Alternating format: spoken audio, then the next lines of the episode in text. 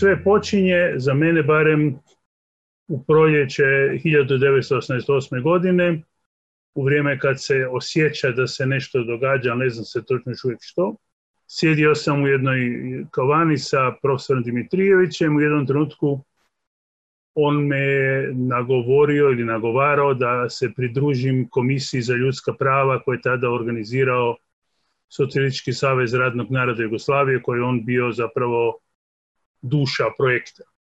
Ja sam na način koji je bio tipično za tadašnje disidente dosta oštro rekao pa nećemo im valjda i na taj način pomagati da se izvuku od odgovornosti. Još oštrije, e, Vojn Dimitrijević je meni odgovorio rekavši znači vama ipak nije stalo prvenstveno do ljudskih prava nego do nekih drugih stvari.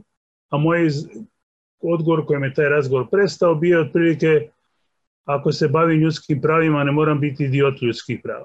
20 godina kasnije profesor Dimitrijević i ja smo vodili jedan doktorantski seminar u Frankfurtu na Odri posvećen ljudskim pravima o postkomunizmu i nakon naših izlaganja u raspravi se jave jedan pravi njemački ljevičarski tvrdolinijaš kakvih samo Njemačko ima, koji je otprilike rekao da su aktivisti za ljudska prava bili zapravo agenti imperializma u rušenju svjetskog socijalizma i oduzeli radnim ljudima njihova temeljna prava. Ja sam u NATO rekao, vi ne shvaćate da oni koji se bave ljudskim pravima imaju pred očima samo ljudska prava i u političkom pogledu oni su doista nužno idioti u svim drugim aspektima. Na večer kad smo išli u hotel, profesor Dimitrijević je na svoj običajen pristani način rekao, eto vidiš, iskustvo uči. I mene iskustvo doista podučilo o tom ključnom problemu aktivista koji se bave ljudskim pravima, da kad su doista toj temi posvećeni, nastoje suziti svoju koncentraciju na tu temu i prihvatiti kao cijenu svojeg aktivizma i to da ruše ili sudjeluju rušenju političkih opcija ili poredaka koji inače mogu biti simpatični. U ime onoga što je bitno, a to su ljudska prava to se povezuje sa nečim što je veoma staro u moralnoj i pravnoj tradiciji. To je ono što se često formulira kao fiat justitia et perat mundus. Na to se pojavljuje jednostavni odgovor. Što će ikomu pravda ako je propao svijet? Ta je tema od Hadriana VI, koji je navodno prvi formulira tu rečenicu, do Kanta, Heinricha von Kleista i revolucionara 20. stoljeća uvijek značila pripravnost na to da se ide va bank, da se ide do kraja ma kakve bile, kakva bila cijena tog djelovanja, da se dakle ljudska prava koristi u onom smislu u kojem izvorni termin i dio te izvorni grčki termin označava ljude koji su izvan zajednice, koji ne dijele vrijednosti zajednice. Svi mi koji smo imali iskustvo aktivista za ljudska prava znamo da se nas upravo tako tretiralo u našim zajednicama, kao ljude koji u te zajednice ne pripadaju, da imaju tu, dakle, apartnu poziciju, da su ljudska prava važniji od političkog horizonta. I da ćemo onda štititi one koji nam se ni na koji način ne sviđaju. Drugim riječima, vi ćete činiti stvari koje vam se ne sviđaju. Vi ćete kao aktivist za ljudska prava prihvatiti jednu jednostavnu rečenicu s kojom sve počinje i završava. Ta rečenica glasi, ljudi imaju prava zato što su ljudi. Ne zato što su dobri ljudi, što su simpatični ljudi, što su ispravni ljudi, nego zato što su ljudi. Veoma često govorimo kako se ljudi bave ljudskim pravima, kako su ljudi aktivisti za ljudska prava, kako ljudi štite ljudska prava ili aktivisti i tako Što je naravno netočno ja ne mogu štititi ljudsko pravo. I uvijek jedino mogu štititi jedno pravo protiv svih drugih prava. Ljudska prava su u sukobu s drugim ljudskim pravima. Prije svega zato što se bave sukobnim područjem, bave se društvom. Društvo počiva na sukobu. Bit društva je sukob. Mi smo u sukobu ne zato nužno što smo zli, zločesti, svadljivi i tako dalje, nego zato što živimo, živimo u društvu a osobina društva jest to da nema nikad dovoljno. Osobina društva jest oskudica i najbogatijih društva. Taj sukob koji proizlazi iz biti društva reflektira se na nužnu sukobnost ljudskih prava, jer smisao ljudskih prava je da u toj situaciji stalnog sukoba zaštite barem osnovu, dakle, egzistenciju pojedinaca koji su sukob. Da sukob ne bude doveden do toga da jedna od strana, jedan od ljudi u sukobu bude zatrt, uništen. Polazimo od, pritom od zapravo liberalne koncepcije suverenosti pojedinca, od toga da je svatko suveren u odabiru vrijednosti ideala i načina realizacije tih ideala kojima slijedi uz neke uvjete no harm ili nešto slično, dakle ne štetiti ostalima. I odatle iz te suverenosti pojedinca govorimo izvorno o individualnim ili pojedinačnim ljudskim pravima, u njima, u tim demokratskim zajednicama, situacija je sljedeća. Temeljni kršitelj ljudskih prava je država, odnosno aparat države. A ta prava ne može efikasno štititi nitko drugi do države. Država određuje koja su prava i s druge strane država ima aparat za zaštitu tih prava, koji aparat istovremeno, veoma često masivno, ali uvijek barem pojedinačno, oštećuje ta ljudska prava. S jedne strane, naravno, država funkcionira tako što oštećuje ljudska prava. Prije 20 godina sam držao predavanje o profesionalnoj etici jednoj skupini sutkinja i sudaca u Hrvatskoj. Moja prva rečenica je bila e, vaša profesija se sastoji tomu da oštećujete ljudska prava na osnovi pravednosti nakon prve rečenice nisam dalje ni došao u svojem predavanju, jer je čitavih 45 minuta prošlo rasprave toj prve rečenici. Međutim, to moj zapravo reći, onaj tko ne shvaća da je svatko oštećen ljudskim pravima kad ide u zatvor, ma koliko opravdana zatvorska kazna bila, ne komunicira s konceptom ljudskih prava. Veoma se često čuje u naše vrijeme da u takozvanom postmodernom svijetu prije svega se zbiva to da ne postoje univerzalni standardi istine i moralnosti, a da to onda znači da i teško tvrditi da postoje opća ljudska prava koja bi važila mimo kultura, mimo tradicija i tako dalje. Tu je diskusija veoma oštro se zbivala zadnjih 30 godina. E, McIntyre, dobro poznati filozofije, prije 20 godina jednostavno rekao ljudska prava su fikcija. I to je sigurno istina. Odgovor je po mom sudu lako naći, barem formulatorno iz drugog konteksta, inače u glasovitoj Marksovoj rečenici to jest fikcija, ali korisna fikcija. Mi imamo osjećaj da su neke stvari pogrešne, da su neke stvari nepravedne. I na to reagiramo.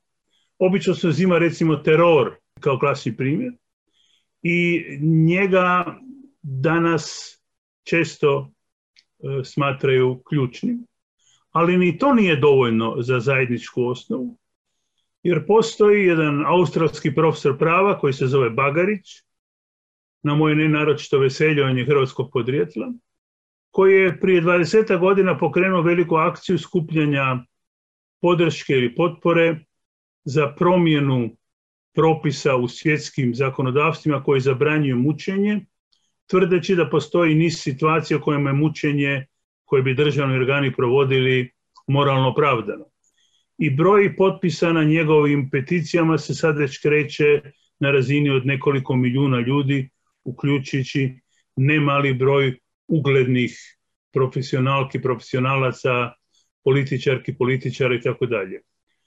Kad se spomene opasnost od terorizma, kad se spomene opasnost od toga da teroristi atomsku bombu i slično, svima se odjednom čini da možda, kao i boljim američkim filmovima i serijama, tu i tamo malo pretisnuti osumnjičenika da oda lokaciju gdje je, bomb, gdje je prljava bomba recimo skrivena, nije najgora ideja koja nam može pasti na pamet. Mi ćemo se naći sučeljeni sa nekim osjećajem evidencije koje nam kaže to jest pogrešno. To da se ljude muči bilo u Auschwitzu ili negdje u Gulagu ili recimo u Gitmu ili e, Guantanamu, čini se gotovo razumljivo. A onda se uvijek pojavlje racionalnost tipa znate li to štiti živote mnogih drugih. Nasupro toga doista pomaže uvodno spomenuti idiotizam ljudskih prava, koji će reći, eto, vjerujem, smatram, tvrdim da su prava, ljudska prava, elementarna prava, pravo na život, pravo na to da ne bude tortura i tako dalje, iznad svih drugih konsideracija, ma koja bila cijena. Formulacije iz deklaracije iz 1948. sa svim ograničenjima dovode nas upravo do ove točke o kojoj treba raspravljati danas. Na samom početku te deklaracije govori se o pravu na život i dostojanstvo. Ta dva prava se stalno iznova pojavljuju su. Dostojanstvo je nešto što po sebi izaziva posebno oštre sukobe. Jer je s jedne strane subjektivno određeno, a s druge strane dovodi do radikalizma koji su iz naše tradicije, takozvanog 27. marta 1941. godine, vezano iz onu legendarnu parolu bolje rat nego pakt, bolje grob nego rob. I nikom da padne na pamet da bih ja mogao imati pravo reći oprostite molim vas, ali ja bih radije još malo poživio kao rob nego tišao u grob. To bi se smatralo jadnim, kukavnim, neljudskim. Dakle, život se smatra atributom koji se pridaje uz neku vrijednost. Dajem život za to, jer je to važnije od života u novije vrijeme se to pojavljivalo u konceptu patriotizma i tako dalje. Naš je eh, pokojni predsjednik Tuđman imao glasovitu parolu sve za Hrvatsku, Hrvatsku ni za šta, eh, koje se on nije sam baš naročito držao, ali je bila efektna kao patriotska parola. I ona je upravo ta formula koja se nastavlja na glasovitu amerikansku patriotsku formulu My country, right or wrong bila u pravu ili u krivu, to je moja domovina. Dakle, moja domovina je, kako bi rekao Nietzsche, jenseits von gut und böses, onu stranu dobra i zla. Moja domovina nadilazi pitanje o istini i neistini. Ona je činjenica iznad znanja, jer je činjenica osjećaja. I kad se tako postavlja stvari, onda se gubi ljudski život kao pitanje egzistencije, kao pitanje subjekta, Ljudski život postaje naprosto nešto što se polaže, obično formula položio je život za domovi, vjeru i tako dalje. Ljudska prava, dakle, daju nam argument za izdaju. Oni koji doista doživljaju ljudska prava kao najvišu odrednicu svojeg javnog djelovanja, su nužno izdajice svoje domovine, da citiram tekst iz nekadašnje himne, nekadašnje države, to je zato što je njima obzor drugčiji, ili nama, da budem precizni, obzor drugčiji.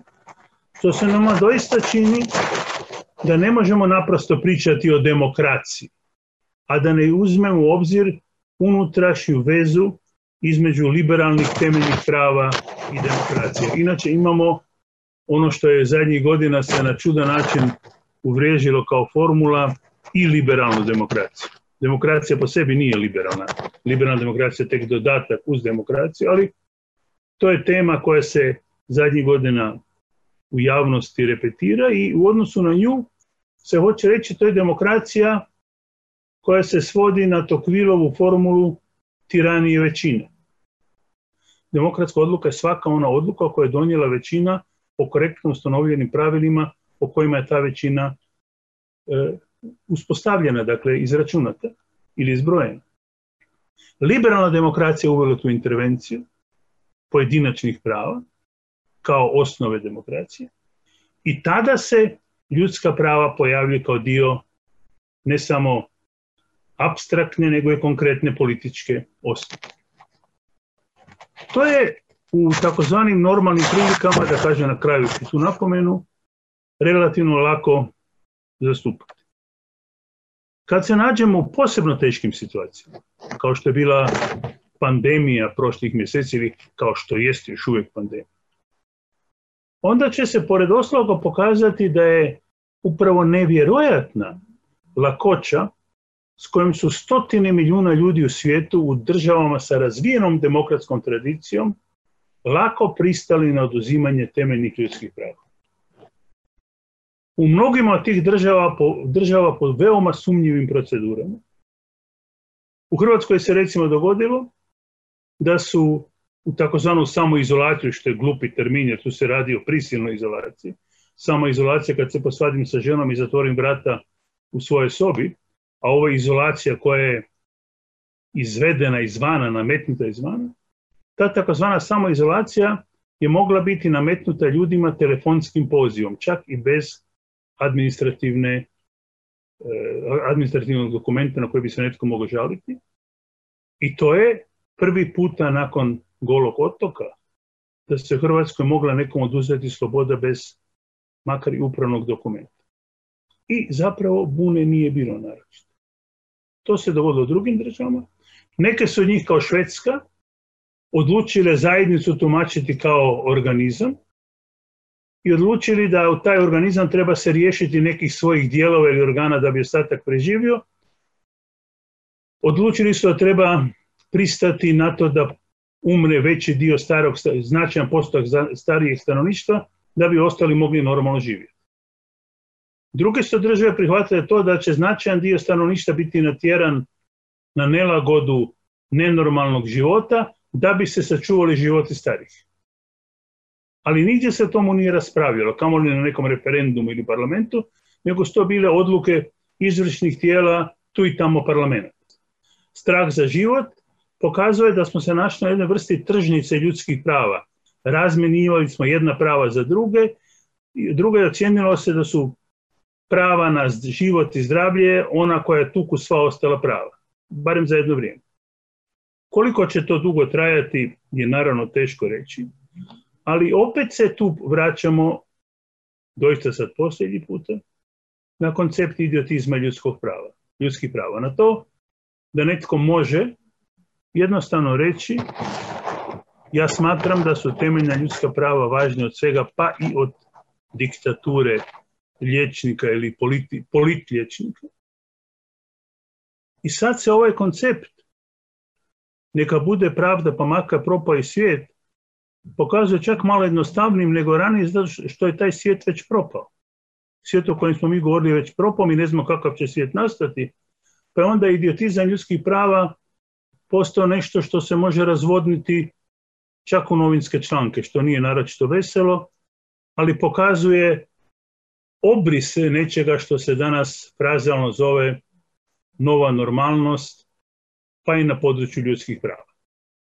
Pomenuli ste sukob ljudskih prava. Da li iz tog sukoba u dijalektičkom smislu može proizaći neka substancijalno nova ljudska prava sa nekom višom vrednošću, obzirom da ste pomenuli i moral kao nešto što je jako bitno za ljudska prava? Dakle, ja ne mislim da iz sukoba ljudskih prava proizlaze nova prava. Nova prava proizlaze kao kvestio fakti. Ona proizlaze iz činjenice da se novi subjekti doživljavaju to ideja da postoji prava žena e, nije nešto što je prastaro. Ne? I nekad se žene nisu smatrali subjektima pa nisu imali prava. Nedavno jedan kolega napisao u Njemačkoj jako zodan tekst o tomu može li se govoriti o pravima robova. I završio time da je rekao kad bi se govorilo o pravima roba, onda oni ne bi bili robovi. Ono što me pritom brine jest pokušaj stalno iznova da se današnja prava interpretiraju kao obvezatna za ljude iz 18. stoljeća ili za ljude od prije 2000 godina. Pa se onda govori o tomu da treba zabraniti šekspirova mletačkog trgovca zbog antisemitizma ili da e, se u Edimburgu velika zgrada sveučilišta koja je imala u ime preimenu, preimenuje jer je Hume bio čovjek koji je zagovarao ili sudjelovao, da pače sudjelovao u trgovini robovima.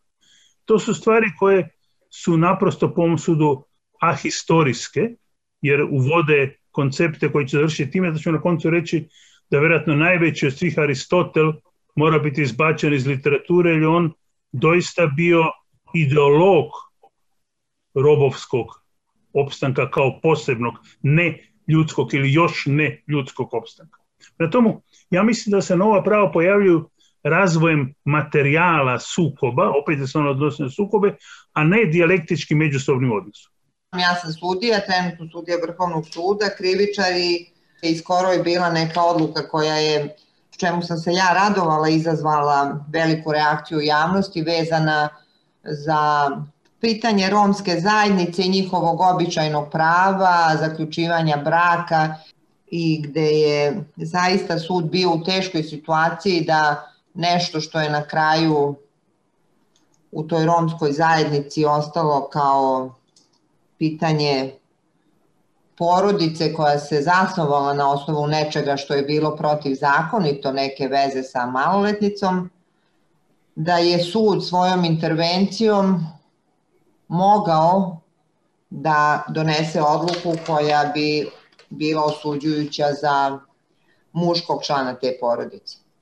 Takva odluka nije doneta, Vrhovni kasnijoni sud je utvrdio povredu prava u tom slučaju, poštujući pravo na zabranu takvih odnosa, ističući da ti običaji romske zajednice ne mogu biti iznad prava ljudskih i na kraju se to tako završilo da jeste konstatovana povreda, ali naravno Vrhovni sud nije mogao tu da interveniše, da osudi tog eventualnog počinioca krivičnog dela. Jedan sličan slučaj u Sloveniji, u Mariboru, 92. mislim, gdje je isto jedan e, mladić romske nacionalnosti oslobođen od optužbe za silovanje po tada zajedničkom zakonu još zbog odnosa sa 13-godišnjom eh, romskom djevojkom. I onda je naravno skandal izazvao poznati izazivač skandala u slovenskoj pravnoj zajednici, kolega Zupančić koji je poslije bio i sudac eh, eh, Europskog suda za ljudska prava, inače briljantan pravnik, koji je rekao da to zapravo znači da ako njega nađu sa 13-godišnjom djevojčicom, on može reći da on Rom. Jer po našim propisima nacionalnost je stvar E, mojeg iskaza. Vi ne možete meni reći da nisam Rom kad kažem da sam Rom. I da je onda poteškoća u tomu što će onda ako ga nađu sa 13-godišnjom romskom djevojčicom, on eto reći da je Rom i da ga po presedanu naprosto ne mogu suditi. To je naravno za potrebe diskusije za oštene stvari, ali upućuje na drugi aspekt problema. Dakle, to da je netko Rom ili Hrvat ili Hrvatica ili Srpnje, šta već se to jest, nije zacementirano. Mi nemamo samo, ne znam, Eh, Andrića koji je mijenjao nacionalnost u našoj tradiciji. Mi smo u 90. imali veliki broj, imali veliki broj ljudi koji su mijenjali nacionalnost. Jedan eh, daleki rođak moje bake se između dva svjetska rata, to je bilo tada ne sasvim neobičajno, proglasio muslimanom da bi mogao imati drugu ženu, jer su oni u Kraljevini Jugoslaviji mogli imati eh, dvije žene, jer ima poteškoća sa razvodom. Dakle, te stvari ostavljaju jednu vrst arbitrarnosti prije svega. Ovo drugo je pitanje naravno odnosa običajnosti i morala i e, državnog zakona i državnih pravila. Mi imamo često puta situaciju da ja kao građanin smatram neke zakone nemoralne. Ali iz niza razloga ih se pridržavam, na primjer, zato što bi mogao biti kažnjen. U drugom aspektu dodajem, e, kod nas se dogodilo u Hrvatskoj sljedeće. U jednom razdoblju od svega tri i godine je važio e, od članak zakona, e, kaznenog zakona koji je kažnjavao ljude zbog kaznenog djela sramoćenja. To je bilo prije svega medijski, e, medijsko pravo. Ja sam tada javno rekao, to znači da se zabranili moralno prosuđivanje. Jer moral nema drugo oružje nego sramoćenje. Vi mene možete kao sutkinje osuditi, ja vas mogu moralno osramotiti. Mogu reći, oprostite, mislim, načelno, naravno, draga gospođo, ja vas smatram to sramota što vi radite, ja nemam drugo oružje kad moralno sudi I ako vi meni zakonom zabranite sramoćenje, onda ste mi zabranili pravo da javno iznosim rezultate svoje moralne prosudbe. Još samo jedna rečenica što se tiče javnosti rada sudova. Meni se čini da istovremeno ima previše javnosti u radu sudova i premalo.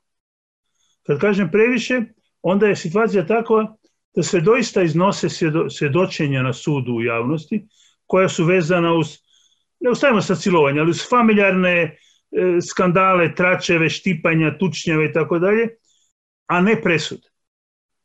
I s druge strane, da ova ideja da samo zajednica eksperata može suditi, pada na ovim nekim moralnim pretpostavkama. Jedan primjer, jedna presuda pravomoćna Hrvatskog suda iz 94. mislim je bila, u vezi sa silovanjem, da je olakotna okolnost kod optuženika o tomu što je oštećena ušla u njegov automobil u mini suknji, a pritom je morala znati da to povećava šansu da dođe do incidenta. Formulacija je veoma važna, morala znati. Ja ne mislim da morate biti ni pravnik ili pravnica, ni moralni ekspert, ni svećenik, ni bilo šta da bi se rekli oprostite tu nešto ne kao što s druge strane smo se sad našli u ovoj histeriji mi tu, u kojoj se namjesto da se govori o ozbiljnim problemima, kao što je silovanje, pojavljuje iskaz koji glasi on mi je prije 18 godina stavio ruku na koljena. To naprosto ne može biti stvar o kojoj se nakon 18 godina može ozbiljno razgovarati. Ponavljam pa opet, drugo je silovanje, drugo je nešto odvratno kao što je ucjenjivanje, nećeš dobiti posao ako i tako dalje, to uopće nije sporno. Kad je Haški tribunal donio odluku da je on završio svoj rad time što je onaj komandante najviše sudio, a ovi koji su klali baš i te zločine tamo šta radili, oni su to propustili takozvanim nacionalnim sudovima. Pa zašto su što i dali da mi presuđujemo u tome, ako mi nismo sposobni da sudimo u takvim slučajevima, hoću da kažem, da li su ta nacionalna suđenja propala, da li je to nešto od ovoga što si ti Žarko govorio, jer to stalno uzdemirava neke ljude koji drže do ljudskih prava, koji drže do morala i koji neće da ostave, da, evo, meni Srbija iznad svega, i da onda negiram ta nacionalna suđenja i da se to vrti u krugu i da od toga u stvari ispalo ko da nema ništa. Tu je glavni trik koji se koristi, kao što je veoma često slučaj, upravo prilaz u drugi rod. Naprosto se od konkretnog pojedinačnog slučaja krene u kolektive. A šta su oni nama napravili 1848. E... bilo koje godine?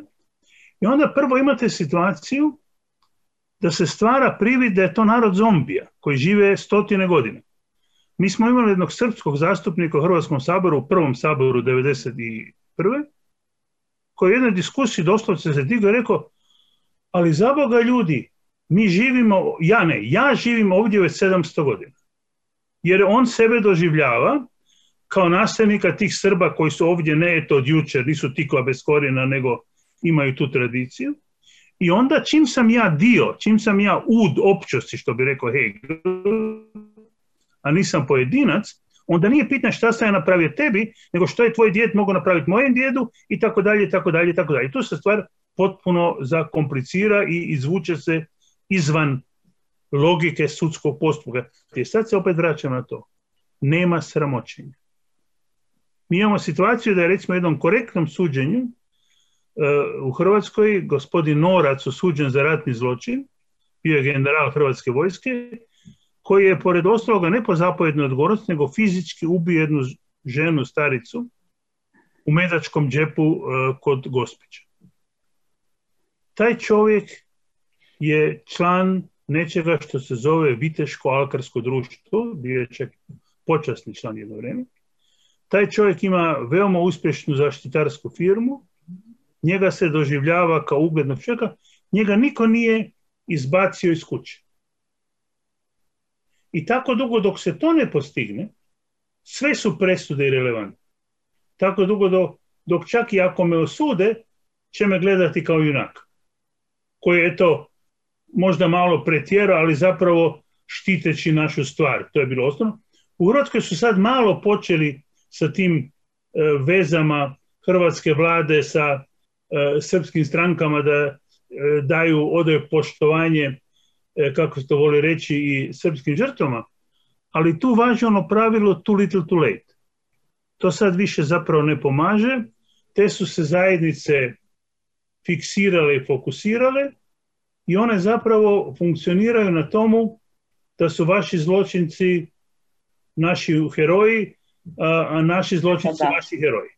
Mi ne možemo doći do objektivnih činjenica uvijek, a kad do njih dođemo, onda se pojavljuje spasnostna formula, ali molim vas pogledajte kontekst. Kad govore Ustaša, pogledajte što su napravili u Beogradskoj skupštini braći Radićima i e, Basarićeku i tako dalje, pa ćete razumjeti Ustaša. I onda tako uvijek imate a šta su napravili ovi njima i šta su napravili oni nama i time se onemogućuje i moralno i pravno suđenje i onda patriotizam triumfira kao emocionalna kategorija, a emocionalna kategorija je otporna na činjenice, to je opće poznato. Ta opaska pokreta mi tu mislim da nije do kraja tačna, imajući posebno u vidu da e, je čovjek u kome se radi, dakle gospodin Majti na kraju je osuđen za silovanje, a da su te okolnosti e, svi slučajevi koji su bili zastareli, pa i uključujući ta neka stavljanja ruku na koleno prilikom uslovljavanja, dobijanje nekih poslova i tako dalje, da su korišćene više kao ilustracije njegovog karaktera i načina na koji se on ponašao, dakle za to mu čak nije ni suđeno, ali hoću da vam postavim pitanje, što je današnji fokus i BG Centar i Vojni Dimitrijević, koji je pisao o strahovladi, da li današnja priča o ljudskim pravima je pomalo i, i deplasirana, da li se zaista sad u ovom trenutku nalazimo u nekom momentu u kome zaista strah, a ne nešto drugo vlada, ne samo ovim našim zemljama, u okruženju, nego i svetu. To što je neko suđeno u američkom sudu za mene nije naročit argument. Ali ovdje se radi o čovjeku koji je naprosto zlikovac, to nije sporno što se mene tiče. I ja sam zato rekao, radi se o stvarima koji su ozbiljne, koji su manje ozbiljne. Ja sam to rekao u kontekstu u kojem mi se čini da se i u Americi počela gubiti praksa koja je nekad bila kod njih paradigmatička. Da se optužnica koncentrira na bitne stvari. Primjerice, 86. godine je u Jugoslaviju doveden Artuković, jedan od najvećih ustaških zločinaca, koji je bio optužen za dva ubojstva. Ne zato što se nije smatralo da je činio i odgovoran za ne znam koliko tisuća ubojstva, nego zato što su bila dva ubojstva za kojega optužiš, sudiš i točka. Kod nas se pojavila praksa, sada već vidim u Americi, da neko ko optužite za obojstvo, za silovanje i krivo parkiranje. I onda naravno se stvar beskonačno širi, pojavljaju se novi svjedoci, pojavljuje se razblaživanje i pojavljuje se mogućnost da se reagira na način koji sam ja citirao sprdnja. Jer se relativira. toko kad se neko naljuti na primjerice svog predsjednika države, kaže to je nacizam. To je sprdanje sa nacističkim žrtvama. Reći da je nacizam nešto gdje se ne ubija ljude na ulicama je neodgovorno i glupo korištenje termina. Dakle, treba biti strašno oprezan. To je ono što hoću reći. Ne miješati teške stvari sa lakim stvarima ili e, zanemarivim stvarima i onda dovesti od toga da se te teške stvari relativiraju. Što se tiče strahovlade, ja sam profesora Dimitrijevića opoznao upravo u diskusiji o njegovoj knjizi o strahovladi i tada sam mu prigovarao da nije citirao, to je tada bilo kod nas jako malo poznato u Europi, jedan tekst Franca Neumana koji se zove Strah i politika, koji se ja nekoliko godina kasnije preveo, koji se meni čini krucijalnim za ovu analizu. Hannah Arendt je uvela jednu stvar koja se često zaboravlja, a to je da je razlika između diktature i totalitarnog poredka u tomu što je diktatura loš, grozan poredak, ali pod navodnicima normalan, jer ljudi žive u strahu od diktatora i njegove moći. Nasuprot tomu, totalitarni poredak je perverzan, jer ljudi ljube onoga koji ima moć nad njima. Mi bez ljubavi privatno naravno ne možemo, ali ljubav u javnom životu je nešto najopasnije što postoji. Taj element ljubavi je ovdje, e, po mom sudu, najveći problem suvremene politike, koji se opet sad vraća u igru sa političarima kao što je recimo Orban u našem susjedstvu, koji o ljubavi stalno govori. I to sebe interpretira kao zaštitnika i zagovornika kršćanske ljubavi, ali ne prema bližnje, nego prema onom idealu koji on smatra pravim kršćanskim idealom. Tu je, po mom sudu, danas točka razdjelnice. E, živjeti u strahu je nešto što je zapravo razumna reakcija na situaciju u kojoj mi netko radi u glavi ili mi može raditi u glavi. Ti izrazi ljubavi koji se pojavljuju u modernim političkim e, e, pokretima totalitarnog predznata je nešto što je doista nepojmljivo. I to je, to je najopasnije što ja vidim u današnjoj politici, pogotovo zato što to onda znači, sad dolazi moja zadnja točka, da ja više ne zastupam svoje ljudska prava. Njemci imaju izraz libes sklave, ljubavni rob. Dakle, ja mogu pristati iz ljubavi biti robom nekomu koga ljubim. To je moje pravo. Ja ne vjerujem da postoje, uspio da kažem, neotuđiva ljudska prava. Mislim, sva prava otuđiva. Da imam pravo, od kad mi je priznato pravo na samobojstvo u 50. godinama odlukama francuskog, engleskog i drugih pravosuđa, ja imam pravo odustati od svakog svojih prava. Ali ako ljudi masovno odustaju od svojih prava u ime ljubavi za vladara, to je onda najgora stvar koja se događa. Jedna je stvar ako ja odustanem od prava kad imam uperen pištolju u glavu. To će svaki razvoj napraviti. Ako vi sad vidite kada mene stoji pištolju uperen u moju glavu, vi to što ja govorim više nećete razumjeti kao moje riječi, nego kao moj pokušaj da spriječim ovoga koji mi upere pištolj u glavu da me ubije, to je jasno. Ali ako pištolja nema, a ja trtljam iz ljubavi za nekoga, onda je to puno gore i puno opasnije, to vidim kao glavni problem. Da li su ljudska prava izgubila borbu u borbi protiv e, ne samo straha, nego i borbi protiv ljudske bezbednosti. Uvek je izgovor bezbednost ljudi. Bilo da je u pitanju zdravlje, recimo u ovoj epidemiji, bilo da je u pitanju terorizam ili svaka druga opasnost. U teorijskim kategorijama to znači da se vraćamo Hopsu. Kao što svi znaju, Hopsova je konstrukcija veoma jednostavna i ona glasi da je ljudima sigurnost važnija od slobode. Da ću ja odustati od slobode da nekoga ubijem kako bih dobio sigurnost da me nitko neće ubiti, najjednostavnije rečeno. I da tako nastaje država, da je to temeljna osnova države. Ja doista mislim da je to jedina ozbiljna točka na kojoj se može opravdati egzistencija države. Mi opet imamo u našem jeziku jako lijepu staru riječ država koja dolazi do ovoga održava neko stanje u kojem ja imam razumnu vjerojatnost da neću biti ubijen i u ime toga sam odustao od dijela svoje slobode. Ta formula se meni čini veoma uvjerljivo i ona se meni čini uvjerljivom zato što ona demistificira državu. Dakle, ona ne, omogućuje da država bude kao za nacionaliste nekakva lepršava transhistorijska kategorija po Heglovom naputku kojom mi dolazimo u svjetsku povijest, nego državu čini aparatom čiji je zadatak veoma jednostavan, a to je da nas štiti od nesigurnosti.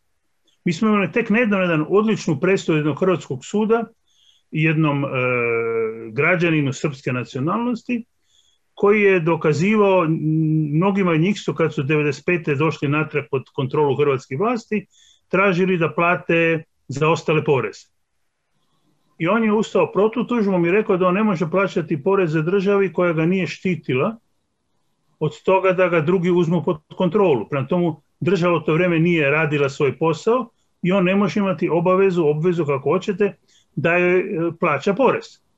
Zato su oni bezobrazno rekli da on kao Srbin je valjda bio zadovoljan sa svojim Srbima tamo, doslovce se na sudu. I on je rekao da ne, da on je bio veoma nezadovoljan sa Republikom Srpskom krajinom, da on sebe smatra hrvatskim državljaninom i da on bio spreman plaćati porez uz uvjet da ga država štiti. I dobio je nakon dugo vremena proces. Dakle, skinuta mu je obveza plaćanja poreza. Priznato je nešto jednostavno, da je posao države da me štiti. Da ako mi poplava odnese kuću, a država nije održavala nasip, to smo opet imali, da je to odgovornost države koja nije održavala nasip, jer je njena zadaća da minimalnu sigurnost jamči. Ta ideja da mi država donosi slobodu je naprosto besmislena. To je trik nacionalizma. Oni neovisnost ili nezavisnost države interpretiraju kao moju slobodu. To što mi šef više nije u Beogradu nego u Zagrebu, sad znači da sam ja slobodan. Ja dalje imam šefa, ali sad je eto moje krvi, što bi se reklo, i onda je naravno, to se sad u Crnoj Gori opet pojavlja kao priča, slično, ne? Sa malim zakašnjenjem, ali stavim po strani.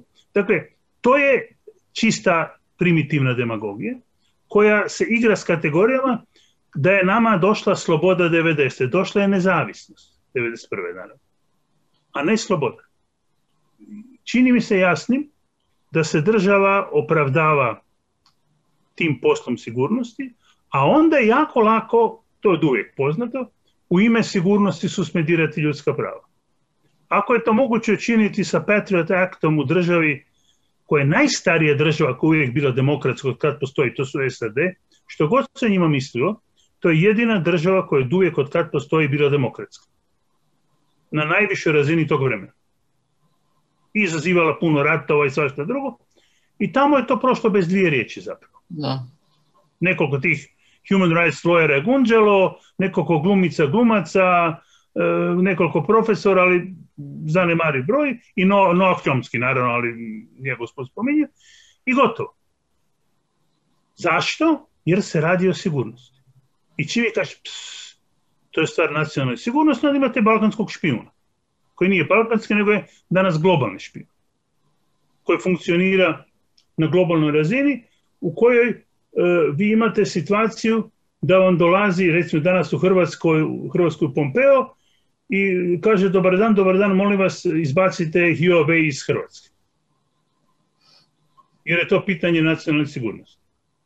Čak ne kaže e, naš ili vaš, nego naprosto nacionalne sigurnosti.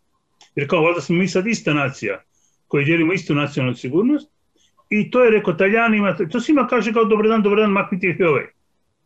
Tako da sad imate paradoks da poluidioti, doslovce, koji hoće igrati nekakvu kinesku igricu, su aktivisti za ljudska prava u SAD, ali ne daju da im tik-tak se misli igrica zove, uzmu tu igricu u ime obračuna e, e, Trumpove administracije s Kinom. I onda na koncu, naravno da ne budem zloban, danas sve novine pišu, da odnosno portali pišu da je Trump dobio kineski virus jer bi on tako nazvao. Dakle, imate potpunu zapetljanciju u kojoj se ideologija nametnula u ime sigurnosti i gdje je Trump rekao, gledajte, ja štitim SAD od prodora Kineza prvo u našu autoindustriju počelo, a onda u našu privatnost. Jer bi oni preko telefona sad znali da sam ja poslao Vesni SMS jučer, rekao sam Bog Vesna kak si ili ne znam šta već drugo. I sad oni odatle mogu izvoditi svoje konstrukcije. To je doista moguće, ali ima kontrol nad svima nama, to opće nije zanemarivo. Ali onda ostaje samo jedan način zaštite. A to je, kako jedan naš e, stari pjesnik prije 60 godina pisao, zvao se Slamnik, stih je glasio, molim da me se ne primjećuje. Ako vas se ne primjećuje, onda imate šancu. Svi koji se primjećuje će biti na ovaj ili onaj način pod kontrolom. To je realna činjenica, a opravdanje će biti to je za vašu i našu sigurnost.